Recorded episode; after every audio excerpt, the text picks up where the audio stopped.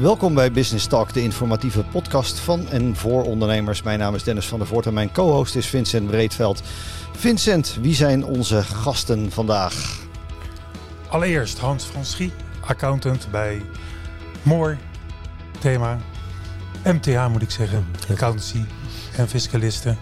We zitten in Noordwijk en met Hans zullen wij dadelijk verder praten over Prinsjesdag. Inderdaad, de miljoenennota, alle plannen van de regering. Ja.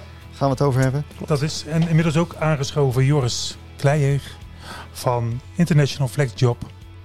En ik mag zeggen een uitzendbureau of doe ik daarmee jullie tekort?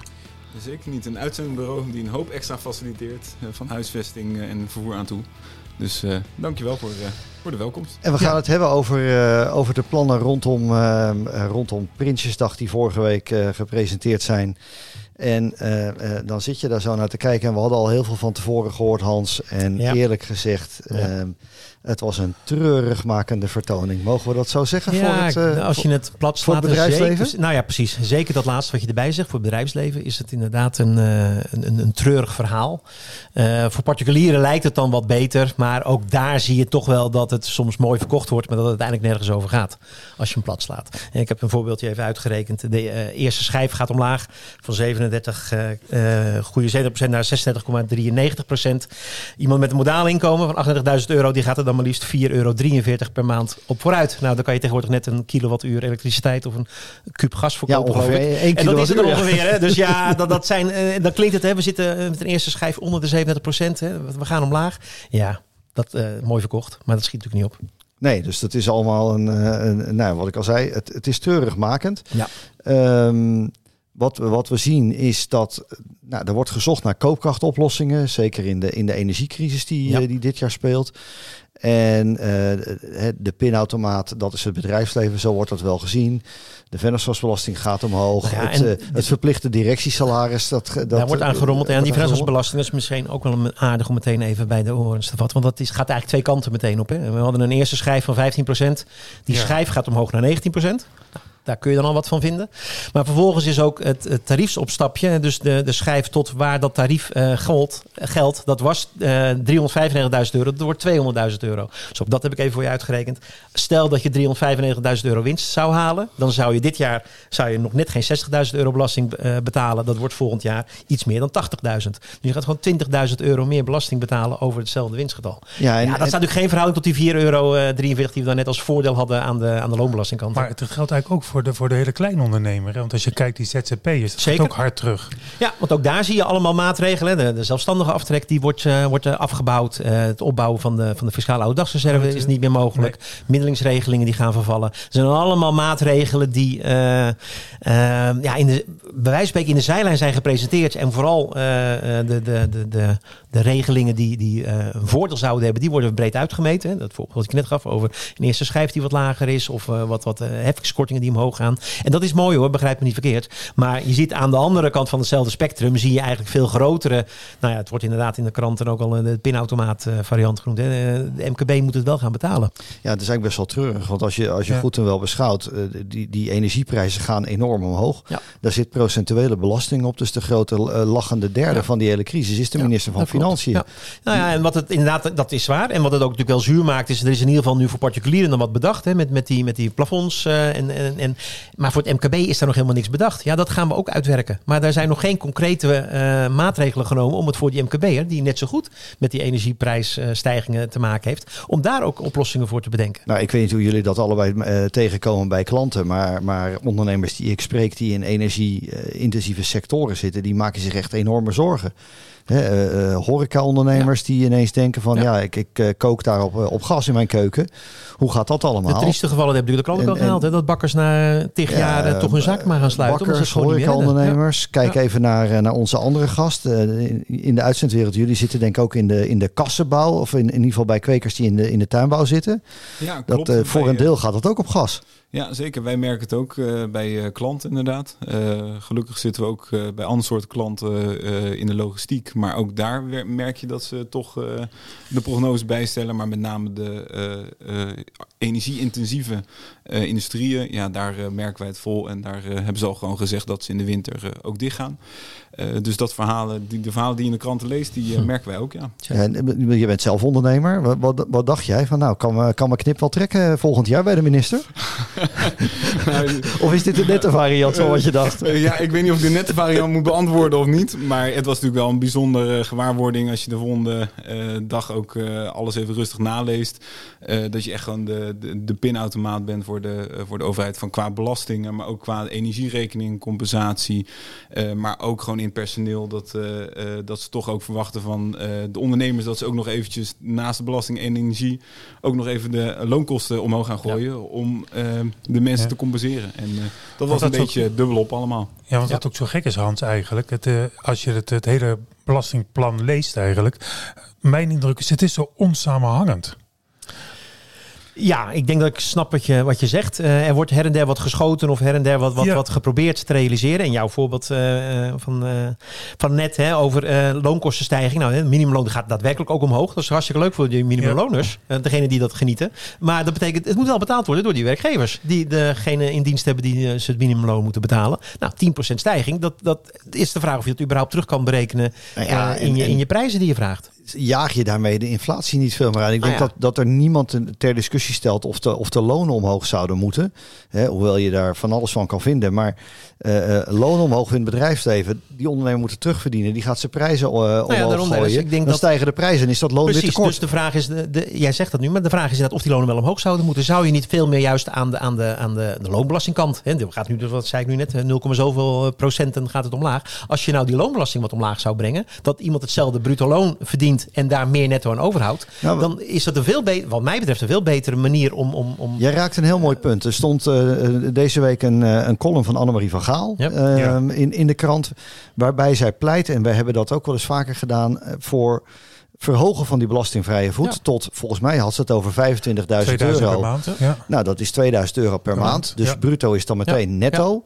Dan haal je de onderkant van de markt, van de arbeidsmarkt. Die mensen hebben in ieder geval gewoon direct meer cash in hun portemonnee. Um, hebben wellicht minder uh, een beroep nodig op allerlei toeslagen, uh, zoals zorg, kindertoeslag uh, en, en noem al die andere dingen maar op. Het rondpompcircus. Ja, klopt, klopt. En breng dan ook die eerste schijf van, ja. van de loon- en inkomstenbelasting naar beneden zodat degene die boven die 25k zitten en ook gewoon meer nou ja, in hun portemonnee over. En niet ja, naar 30, naar 30, maar gewoon echt Volgens mij stelden zij voor 30 procent.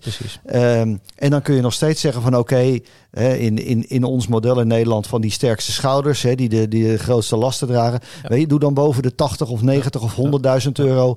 Belast dat dan wat meer. Daarvan denk ik dat we elkaar wel recht in de ogen kunnen kijken van oké, okay, die, die kunnen echt wel gewoon wat, wat meer dragen. Want die profiteren aan de onderkant ook. Hè. Als klopt, ze meer natuurlijk niet hoeven aan te geven. klopt. Maar ik denk wat ook meetelt. En Joris, ik denk dat um, misschien bij jullie ook zo is. Kijk, je hebt een bepaald, bepaald businessmodel. Het kan zijn dat jarenlang dat minimumloon te laag was. Maar daar zijn hele businessmodellen op gebouwd. En dat je dan plotseling zegt, er moet 10% omhoog. Het zou aardig zijn als je enigszins de tijd krijgt om je onderneming er ook op aan te passen. Want dat geldt natuurlijk ook voor de laag erboven en de laag daarboven. Ja, als je het, het ja. kruipt allemaal omhoog ja, ja. dan. Uh, en dit zou bij jullie denk ik uh, ook zijn weerslag hebben op de, op de tarivering uiteraard. Ja, want jullie koppen dat gewoon door, neem ik aan. Of, uh, ik nou, bij, dat, bij, ons het uh, model is inderdaad dat je een, een omslagfactor over een bruto loon hebt. Alleen dan is de vraag, uh, willen klanten dat nog gaan betalen? En ja. dat is wel een, een terechte vraag. En ik denk vooral ook, je kan het omhoog duwen, maar uiteindelijk zullen, wij zitten ook in e-commerce bijvoorbeeld. Ja, het gaat toch uiteindelijk terug in je product komen. Want zij, zij moeten ook ergens in, ja. in, in, doorwentelen. En dat is nog maar de vraag of ze dat overal ja, dus kunnen. Ja, eigenlijk die inflatie alleen maar extra aan. Ja, ik, ben ik wel bang daar vond ik. Uh, ja. Hans, even het zijsprongetje ja. naar dat DGA-salaris. We weten, ja. het was altijd uh, zeg maar 4000 euro per maand de afgelopen jaren, 48.000 ja, euro per jaar. Wat je als DGA jezelf uh, verplicht moest uitkeren. Als starter mocht je 70% doen.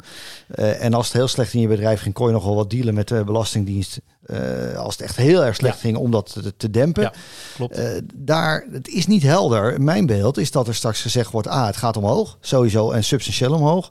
Maar dat je ook niet meer mag dempen. Maar is daar nou duidelijkheid over? Nou, wat er, wat er gezegd is waar jij op doelt nu is... Uh, er is gezegd, want die 48.000 euro is één uh, richtlijn... maar je moet ook kijken naar je meest betalende, betaal, best betaalde medewerker... Hè, als je meerdere medewerkers in dienst hebt. En je moet kijken naar wat er voor de markt gebruikelijk is. Eh, als jij advocaat bent of accountant bent of wat dan ook... Dan, dan zit daar ook een bepaald marktsalaris aan. En vervolgens mocht je daar een doelmatigheidsafslag op doen. Je mocht 30% daarvan brede afwijken. En die vervalt nu. Dus dus de, de speelruimte die je had om, om het salaris hè, ten opzichte van, van de inkomsten, van de fee die je zou ontvangen, uh, naar eigen inzicht te kunnen, kunnen uh, met, met de wet in de hand zeg maar naar beneden bij te stellen, ja, die gaat zo meteen ja, dit, dit, klinkt natuurlijk reuze interessant voor de veelverdieners. De, ja. de, de, de, de, jongens die echt, echt serieuze salarissen uit hun BV vandaan halen. Maar we hebben het hier over het MKB. Ja. Um, uh, daar zijn ook beslist wel wat veelverdieners in te vinden. Maar natuurlijk talloze MKB'ers zijn eenhoofdige leiding in een bedrijf. Uh, en die halen niet 10.000 nee. euro per maand als DGA uit hun, uit hun BV vandaan aan salaris. Dus dit is toch eigenlijk ook wel weer een hele slechte maatregel. Dan raak je daarmee niet gewoon de verkeerde groep.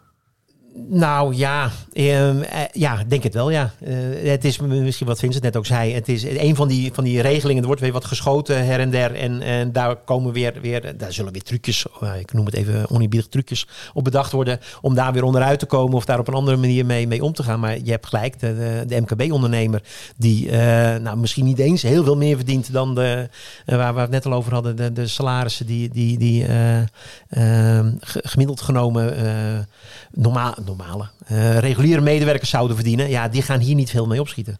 Nee, die dus... regeling gaat niet heel veel brengen. Dus en de wetgever de heeft alleen maar iets meer in de hand om nog te zeggen, ja, uh, daar kan ik niet in meegaan. Hè? Want uh, laten we wel wezen, de, de, de, de, de fiscus is nog wel eens bereid om, om uh, mee te denken over oplossingen. Als jij maar 5000 euro per maand aan inkomsten hebt, dan, of nou ja, dat is verkeerd voorbeeld. Als je maar 2000 euro per maand aan inkomsten hebt, ja, dan kunnen ze niet van jou verlangen dat je 4000 euro salaris uit je onderneming haalt. Dat gaat ook gewoon niet. Maar het wordt wel steeds lastiger om nog in, goed in gesprek te gaan met je inspecteur, omdat hij gewoon de wet in de hand heeft om, om uh, zijn eigen, nee, niet eens zijn eigen, maar met de wet in de hand de dingen te kunnen kunnen Ja, maar dus die, zou, die zou dan bij wijze van spreken willens en wetens een ondernemer het faillissement induwen, omdat je... Uh, het, er zijn natuurlijk genoeg ondernemers die een BV hebben, niet omdat ze zoveel winst draaien, maar omdat ze gewoon uh, privémiddelen veilig willen stellen ja. en dergelijke dingen meer. Ja, pensioen. Pensioen, ja, ja dus dat is, het is ja, best dat een best ja, Het is ook zo, hè? Dat is, dat is een klein zijstapje, maar ik, mijn, ik roep altijd al: een BV doe je echt niet, als het goed is, niet alleen om fiscale redenen, maar ook om juridische redenen. En er kunnen zelfs commerciële redenen zijn. Hè? Uh, om, om, omdat een BV nou eenmaal in de markt ligt, in jouw markt. Hè? Uh, eigen rijders voor, voor de, in de vliegtuigindustrie. Ja, KLM die doet geen zaken met eenmanszaken. Die wil uh, gewoon een eigen rijder met een BV. En dan kan het fiscaal misschien helemaal niet interessant zijn. Maar als hij het niet doet, dan heeft hij die baan niet. Of de, dat werkt niet. De baan mag niet zeggen, maar het werkt niet. Maar het gek is dat je ook weer in de krant las van uh, het kabinet geeft eindelijk gas. En omdat ja. we dan kijken naar die Prinsjesdag van vorig jaar, toen waren we demissionair kennelijk.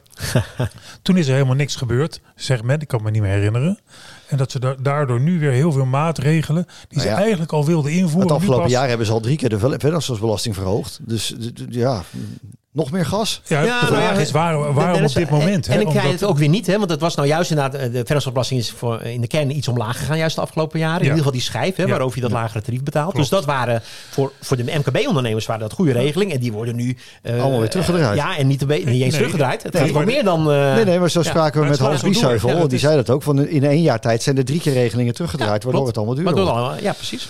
Zou het er te maken kunnen hebben dat de politiek denkt van de ondernemers hebben genoeg geholpen? Dat hebben we wel vaker gehoord. Ja, dat zou zomaar kunnen. We hebben inderdaad weer alle NOE-regelingen en alles wat daaromheen uh, hangt. Hè, waar je ook nog een hele uitzending over zou kunnen ja, maken. Nou, ja, dat, uh, uh, dat wordt, wel eens, wordt wel eens inderdaad gebracht als we hebben ze al zo gesteund. En laten we wel wezen, als we ook de cijfers erop naslaan, dan zijn er ook statistisch gezien minder faillissementen geweest dan in veel reguliere minder. jaren, zeg maar. Dat zul je ook in jouw praktijk ja, zien, veel Vincent. dus, dus er is bijna nog wat voor te zeggen dat het misschien wel allemaal te goed is geweest. Maar dit gaat natuurlijk meteen, slaat meteen wat mij betreft in ieder geval de volledig nee, andere kant uit. Je, raakt hem wel, want dit waren de geluiden die we op Prinsjesdag in Den Haag hoorden. Ik was daar zelf bij een ondernemersbijeenkomst en er werd gewoon gezegd, ja, Tweede Kamerleden zeggen gewoon tegen de, de werkgevers, de ondernemersvertegenwoordigers van, we hebben jullie met 100 miljard gesteund. nou, en nou, eh, ja. nou, dan moeten jullie nu maar een keer bloeden. Nou, even dimmen. Time Ja. to pay back. Ja, En precies. eh, ja. wat voor steun, dat vind ik ook wel een, eh, Ja. een, vraag. Want volgens mij zijn het voornamelijk eh, leningen die verstrekt zijn. En met name om loondoorbetalingen mogelijk te kunnen maken. Dus ik vind nogal kort. Belastinguitstel. Nee, maar dit is het opportunisme van de, van de politiek. Ja, En het- dat, eh, dat is zeker opportunistisch eh, van de politiek. Ik vraag me soms wel eens af of ze niet te veel losstaan van de samenleving. Eh, want ja, dat, eh, dat denk je ook wel dat eh, ondernemers hebben jou vast ook wel eh, eh, eh, vragen erover gesteld. Of Ja, Je hebt zeker. een sessie gehad met Absoluut. ondernemers. Ja, klopt. En, En dat zie je inderdaad ook terug. Dat klopt. En die, die, die, Ja, ja, die- het, van ondernemerschap, ja. eh, ondernemerschap in de Tweede Kamer en in het kabinet is natuurlijk echt ver te zoeken. Ja, maar... er zijn er maar weinig. We die hebben dat, het er wel eh, te doen. Ja. Nou, ehm, het is een treurig verhaal. Zo begonnen we. Nou, en zo eh, eindigen we. Hans, dankjewel weer eh, ja, graag gedaan. eh, voor je komst. Dankjewel.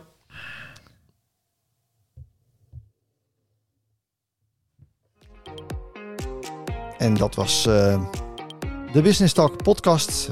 Deze keer over de Prinsjesdagplannen. Tot zover deze podcast. Volgende week weer meer.